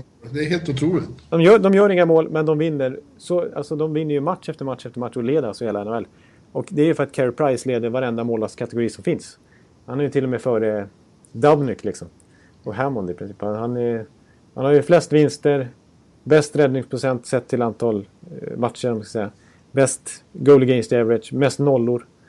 Ja. Allting liksom. Det är otroligt. Eh, han har ju en, en enorm säsong. Ja, så den enda frågan är vem som är den tredje som blir nominerad i den kategorin. Ja. Och det finns ju då, det står väl mellan Holtby, Halak Dubnik. Kanske Bish. Ja, jag tycker faktiskt man kan nämna Bishop. Han var ju nominerad förra året och har gjort en eh, jättebra säsong nu också. Framförallt andra halvan. Eh, men jag tycker, jag tycker Dubnik ska få den faktiskt. Ja, okej. Okay. Eh, och sen, sen, sen, håller jag med dig om att min, min fyra är Braden Holtby. Faktiskt. Ja. Han har också varit väldigt... Men Hallack också. Ja, Hallack faktiskt. Ja. Mm. Ja. Då är det... Då är det... Ja, vi har... ja, ska vi avsluta med Hart? Eller du kanske vill ta Lady Bing också? Nej, jag, jag, jag går inte så långt. Eh, General Manager of the Year då? Ja, ska vi ta den också då? Ja, ja, vi, vi, då den har jag inte förberett, men eh, spontant så, så säger jag... Eh, ni, ni som har hört senaste avsnitten tror jag vet vad jag kommer säga. För jag är ju så förtjust i Mark Bergevin i Montreal. Ja, han, men jag tycker eh, Garth Snow i Islanders och eh, Poyle i Nashville också. Ja, Poyle har gjort det. Eh, med tanke på så enorma förändringar som hänt i Nashville och vilken effekt det har fått så är ju... Ja, han tog spelare som... Nej, vad ska han med dem till, sa alla. Och ja. Eh, så vart det jättebra. Ja. Framförallt med Ribeiro. Ja. Och Volchenko. Ja. Och, eh, ja. Nej, inte Volchenko så mycket. Ja, men... Eh, Ekholm berömde ju Volchenko, men det var ju, han satt ju bredvid honom i omklädningsrummet ja. och tyckte att han fick mycket utbyte av honom faktiskt. Men... Ekholm som gjorde ett sånt lysande mål här mot, eh, eller mot Montreal också. Kom igenom fri. Ja. Trippa så ramlar omkull men får in pucken ändå. Ja, på carry. Ja. Ja, jag, jag trodde, så... med Filip efteråt sa jag det där är ju ingenting som man tror att det är moring. Alltså sådana från Mora klarar Då sa Filip nej, men så är han från Furudal också. Det förklarar saken. Ja, okay, just, just. Ja. Det, det, Internt. Det, det, var, jag kände det. Det, det, det där var här Dala-jargong. Ja. Nej, men... Um, mm. Nej, jag, jag, men jag säger men, Ja, vi går på Hart. Och... På eh, du, med allt du sa om, om eh, Carey nu så det känns det nästan som att han ska ha den också. Ja, jag tycker det är faktiskt... Det, det hade också liksom... Hade det inte varit för Carey Price så hade det också varit ganska svårt att utkristallisera någon tydlig vinnare här faktiskt. Men visst, man säger ju alltid att visst, Hart Trophy ska handla om den som eh, viktigast för sitt lag. Men det har ju blivit ett pris som ges till den som är bäst. Ganska, det, det blir ju så. Ja, ja, oftast blir det så den som är bäst. Det är ju nödvändigtvis inte... För skulle det varit den som är värde, mest värdefull till sitt lag så, så, så, hade det varit lite mer... Inte lika stjärn... Alltså de här, den som är bäst liksom. För i så fall skrev jag upp ett outsider-namn här. En som verkligen är valuable till sitt lag. Som, alltså, som jag verkligen tycker är en MVP på det viset. Det är Andrew Ladd i Winnipeg. Jag tycker mm. En men han kommer inte att bli... Han, han kommer absolut inte få Hart Trophy, nej. Eh, nej det är... Men eh, Carey kommer kanske bli nominerad, men eh, Ovechkin kommer kanske att vinna. Ja, men jag, jag, jag tror nog... Ja, men jag tror Carey Price har övertygat så många journalister att han... Att jag, tror, jag tror Carey Price är favoriten. Eh, Får vi se. Du pratar med en som ska rösta nu. Ja, jo, det är klart. Jag har inget att säga om det, utan det är du som... Ja, jag vet. Nej. Ja. Men eh, en annan då som är värd att nämna där också tycker jag, det är alltså som en MVP av de här riktiga stjärnspelarna, det är ju eh, John Tavares. Ja, absolut. Eh, han är ju trots allt, eh, trots deras fantastiska bredd den här säsongen och eh, backarna som har kommit in där och liksom Halak i kassen. Eh, så är det ju fortfarande John Tavares, den självklara ledaren i det laget och den som bär New York Islanders. Så är det ju. Och mm. han har ju, han, just nu leder han ju faktiskt poängligan tillsammans med Sidney Crosby.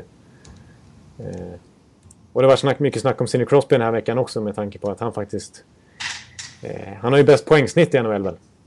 Eh, av de här som toppar poängligan. Och folk snackar om en mellansäsong och ändå så är han i toppen av poängligan. Ja, visst det är imponerande. Han kommer, ja, han kommer att få sitt, sina röster också. Ja. Absolut.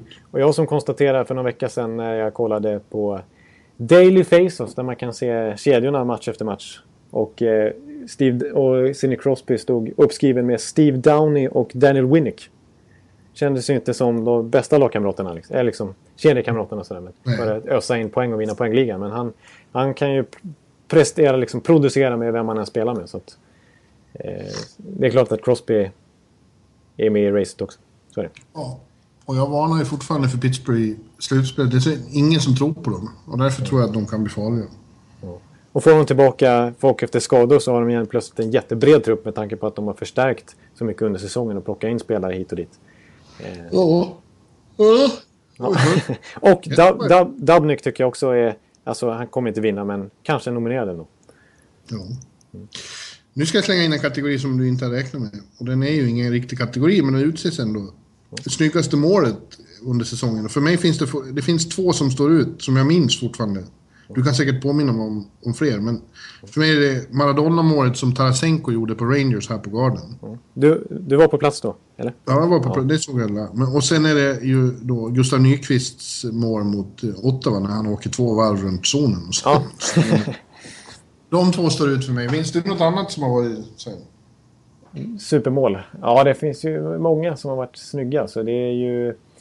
Man gäller att komma ihåg dem också. Ja, men det är konstigt att man glömmer bort dem lite sen när man eh, ska komma på dem på rak arm. Eh, Ett mål som var väldigt snyggt här i veckan, det var ju det som när Cal Turry spelade fram Mark Stone där mot Carolina. Ja. Eh, någon, eh, snygg fint. Även, ja... Eh, ja, det var... Mm, jag ville bara få de där målen nämnda. Tack. ja, precis. Det var ja. Ska, men innan vi avslutar, ska vi, ska vi ta några av eh, Twitter-förslagen också? Bara gör det. Ja, några jag, jag bad ju om lite mer udda förslag. Jag vill inte, jag vill inte ha så här börsen om vinner Selke Trophy. För det vet vi att det är, så, så blir det förmodligen kanske. så jag tog lite annat. Eh, det var alla möjliga förslag. Vi, dels som, som, som, du skrev, som du sa där, en som tyckte att Beckis borde vara till exempel i Selke-snack till och med. Ja. Eh, och eh, vi har en Dax-fan som tycker Hampus Lindholm förtjänar Norris Trophy. Det kanske är lite ta i, men Ja, lite ta i, men jättebra. Absolut. ja. Eh, vi Bra har, så är det. Eh, Mikael Jonasson tycker att Jeff Carter är underskattad. Han eh, säger inte någon speciell kategori, men han tycker... Ja. Ja, Jonas Ja, de, borde ha, de borde ha den kategorin på awards. Most underrated. Ja, precis. ja. Ja, men, eh, vi har Jonas Svensson som eh, tycker att Letang ska ha Norris Trophy. Eh, vi har, eh, som du sa, där Selket Kryger Hart till Tavares. Norris Trophy till Roman Josi. Och Vessina till Cam Talbot. Nej. Det var... Det var, Det Det var var- ta i. för det var En och en halv månads fin insats. Ja, det är ytterligare en som vi nämnde Tavares här. Många, han skriver så här, Mikael Wevle skriver Många i New York Islanders som hyllats, inte mycket snack om Tavares. Utan honom i den här formen hade det inte gått lika bra. Nej, det är helt klart. Han är en... Eh, han är nästan i Crosby-klass, Tavares. Alltså. Ja, Fantastiskt att se ibland när han är, när han är på riktigt spelhumör. Och det har han varit mot Rangers många gånger. Ja, han är också sådär komplett att han, att han är en fantast, Han har ett grymt skott, alltså superpricksäkert och liksom hårt och snabb release. Men så är han ju kanske ännu mer en utpräglad framspelare. Ja. Han, har ju besitt, han är ju så svårfångad i offensiv zon. Och har ju så mycket verktyg alltså. Eh, Så att jag, jag gillar, jag är också en riktig Tavares-kille. Och jag, och han får ju ofta mycket hyllningar från folk som står honom nära. Att han har ett enormt brinn att alltid utvecklas. Att han tränar som en galning och är verkligen en ledare. Ja. Faktiskt. Eh, Johan Sjöberg hade också lite udda val här. Han skrev Norris Trophy till Kevin Klein. Calder Trophy till John Klingberg. Då är man väldigt Rangers-fan. Ja, jo, det kan man konstatera. Vesserna till Hamburglar. Eh, Hart Trophy till Price. Och Selke Trophy till Colin Wilson i Nashville. Eh, ja, Bob Hartley borde nämnas som Jack Adams skriver Daniel Brandt. Ja, det har Daniel Brandt rätt, i ju. Precis. Så har vi Mattias Szymanski som skriver Årets mål, Tarasenk Show. Det som Ja. du säger. Årets självmål till Youngblood för sitt övertramp i Nashvilles omklädningsrum. Ja, det, det håller jag helt med om. Där eh, har jag eh, slutat att kommentera faktiskt. Har du, drömmer du mardrömmar? Ja, jag drömmer mardrömmar om hur jag ser eh, Shea Webbers ögon eh, titta, stirra in i mina med all ondska, världens ondska samlad i ett enda ögonblick. Ja. Ja. Ja, det var, var en mardröm, men det, ja. Eh, Vigneault Ja. för Jack Adams Award. Ja, Vigneault är en väldigt bra coach. Det är helt klart. Men han har förlorat två Stanley Cup-finaler. Ja, det har han gjort. Jo, faktiskt. Vinner han en, förlorar han en tredje, då kommer han ju främst att bli känd som det. Ja, hattrick i losses. Det är inte så kul. Nej. Eh, en som tycker att eh, borde inte Plekanec vara ett namn för Selke? Men eh, ja, jag tycker väl... Ja, inte, inte, han, han är inte på samma nivå som Bergeron till exempel. Eh, och Plekanec eh, levererar... Han gör i och för sig hyfsad framåt också, men... Ja, Plekanec är en väldigt skicklig tvåvägsspelare, men inte på Selke-nivå. Men Bergeron spelar ett lag som kanske missar slutspel nu. Då kommer inte han att bli aktuell. Nej, samtidigt så... så I Bergerons fall så, så, så, vill jag inte ge honom skit alls. För jag tycker han gör en jättebra säsong igen. Alltså. Mm. och han gör ungefär lika mycket poäng som han alltid gör. Liksom. Han leder ju poängligan nu. Det, säger ju, det, ska han inte, faktiskt, det ska ju nästan inte han göra, tycker jag. Eh, ja. Eh, I... En award tuffaste spelare också. Ja. En, en Douglas Murray Awards. Ja. ja, ja. Vem, vem tycker du ska få den? Suster. ja. Nej, vem skulle få den? Vem är tuffast i ligan? Vem är den man helst skulle undvika på isen? Eh, ja, inte, de, är, de ska vara tuffa, schyssta, liksom, de tacklar, tacklar så. Bästa tacklare. Ja. ja. jag tycker Webber är ju en av dem. Ja, kanske det. Eh, men om man ska ta något lite mer eh, oväntat. Kronwall, fast han tacklas ju nästan aldrig ja, Han har börjat lägga ner lite grann faktiskt. Ja, det är för att ingen, alla håller huvudet uppe när han är ute på isen. De vet vad som... De har koll på hans pinchar där vid sargkanterna. Ja. Eh, bästa ja. tacklaren, ja. Men du, jag nämnde en sak där som jag ville ta upp. Ja. Eh, apropå Jack Adams. Vilka coacher man tror... Vi nämnde att eh, Claude Julien ligger jävligt risigt till om, om de missar slutspel. Det är, det är höga krav i Boston. Ja. ja, ja. Han risigt till. Han ligger jätterisigt till och likaså Todd McLellan i San Jose. Ja, men, ja, det har vi nämnt. Men sen tror jag att av de som det har gått dåligt för då, Berube borde, han kommer rimligen att få sparken. Han måste få sparken. Ja. Det ser, det ser vi passionerade Flyers-fans som kommer att begå självmord tror jag, om, om de behåller honom. Ja, men det, det är nästan så pass eh, genuint liksom, eh, hat där, höll jag på att säga. Ja. I New Jersey är det ingen som får sparken. De har inte riktigt bestämt bara vem som ska bli headcoach nästa år. De har ju någon slags trojka nu. Eh, och Toronto, Horacek kommer ju inte att få fortsätta. Nej, han har ju varit i katastrof. De, de drömmer ju om eh, Mike Babcock i Toronto. att han inte ska få nytt kontrakt i Detroit eller inte var nöjd med det kontraktet. Ja, att, exakt. Att han själv ska lämna det. Mm. Så, eh, fast det vet fan. Skulle han verkligen vilja ta sig an den här cirkusen? Nej. Nej, det är tveksamt.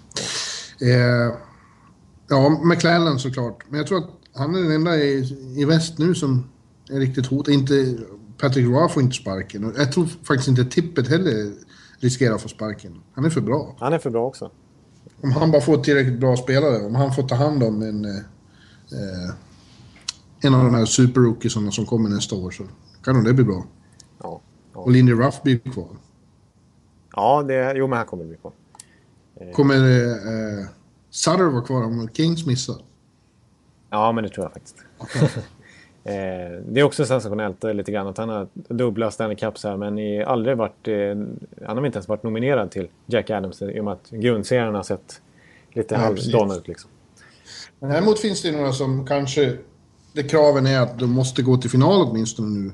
Eh, både Bruce, Bruce eh, Boudreau och vår vän Ken Hitchcock. Ja, jag skulle säga Ken Hitchcock. Och skulle de till exempel åka ut i första rundan, St. Louis, då, då vågar jag nästan eh, slå vad, definitivt slå vad om att han ryker. Ja. Faktiskt. Ja, Bruce också. Ja, precis. För att, eh, levererar de inte i slutspelet... Det löste han förra året. Ja, alltså, eh, för nu, är det, nu handlar det om att leverera i slutspel för de två. Och gör ja. de inte det så är det ju tack och godnatt. Det kan nästan vara så... Jag vet inte om det är lika allvarligt i Pittsburghs fall, men... Skulle de rycka första rundan också kan de nog tänka sig och... För det kan bli ganska intressanta tränarnamn tillgängliga också. Till exempel om Todd McLellan skulle få sparken. Ja. Yes. Ja, är det två namn som, som man kanske eh, tänker sig skulle nämnas här men som jag nödvändigtvis inte blir sparkade. Det är faktiskt dels eh, både i Buffalo och i Edmonton. Eh, Nelson där i Edmonton har ju ändå varit ganska hyllad då. Spelarna gillar honom där då. Ja, jag vet inte. Ska de byta tränare igen? Det, det känns lite konstigt. Ja. Det verkar inte vara det som är... Ja, jag vet inte. Edmonton. Nej, vi, vi, vi blir bara deprimerade när vi pratar om det. Ja. Tyvärr. Ja. Ja. Nej, men jag har hållit på länge nu. Vi kanske ska... Runda av. Ja, men du får väl nämna en 57 innan vi går Ja, och ja, oss. Innan vi, vad var det du sa igår? Nu, nu drar jag in åren eller vad sa du? Ja, nu viker jag in eh, NHL-årorna. Ja, Ja, eh, nej, men eh, eh, så här. Eh, 57 har vi inte jättemånga NHL, men ganska hyfsade namn ändå. Eh, Tyler Myers har vi 57. mhm. Eh, vi har eh, en som jag hyllat tidigare på den som jag gillar, en, en eh, apropå hårda tacklare. Tommy Wingles. ja just det. Eh, och en känd gammal 57 som bytte när han kom till Pittsburgh men som har haft det tidigare i NHL-karriären är David Perron. Så han är ju diskvalificerad tyvärr. Eh, ja, sen har vi sådana gamla klassiker som Marcel Gottsch och åker runt med det. Gabriel Bork som gör en helt eh, okej säsong i Nashville där. Ja. Men eh, det står väl mellan Myers och Wingles kanske. Så att... Eh, du, Wingles. Ja. du säger Wingles? Ja, men det är bra. Tack. Då, eh, då tackar vi för oss, ja, och nästa vecka då kan vi, får vi prata om hur det har sett ut när Henke Lundqvist har kommit tillbaks. Det blir spännande. Ja, det blir spännande. Det, det har vi ingen aning om hur, det kommer vara. Det kan vara åt... Ja, vi kommer försvara honom förmodligen. men det kommer antingen vara... Ja, vi får se hur det blir. Vad ska du göra nu då? Det är onsdag kväll. Du ska sitta och klippa det här. Den 27 hos mig på kvällen. Jag ska nog gå ut en sväng ikväll. Du ska det? Ja, Ja, men det är rätt. Jag ska visa mitt eh, Mattias Tedenby-leende. Ja, okej. ja just det. Du har, det är alltså så, du har ju varit hos tandläkaren precis innan podden. Nej, jag har inte det. Du har inte det? Tanden skulle dra ur ramla ur av sig själv. Jaha.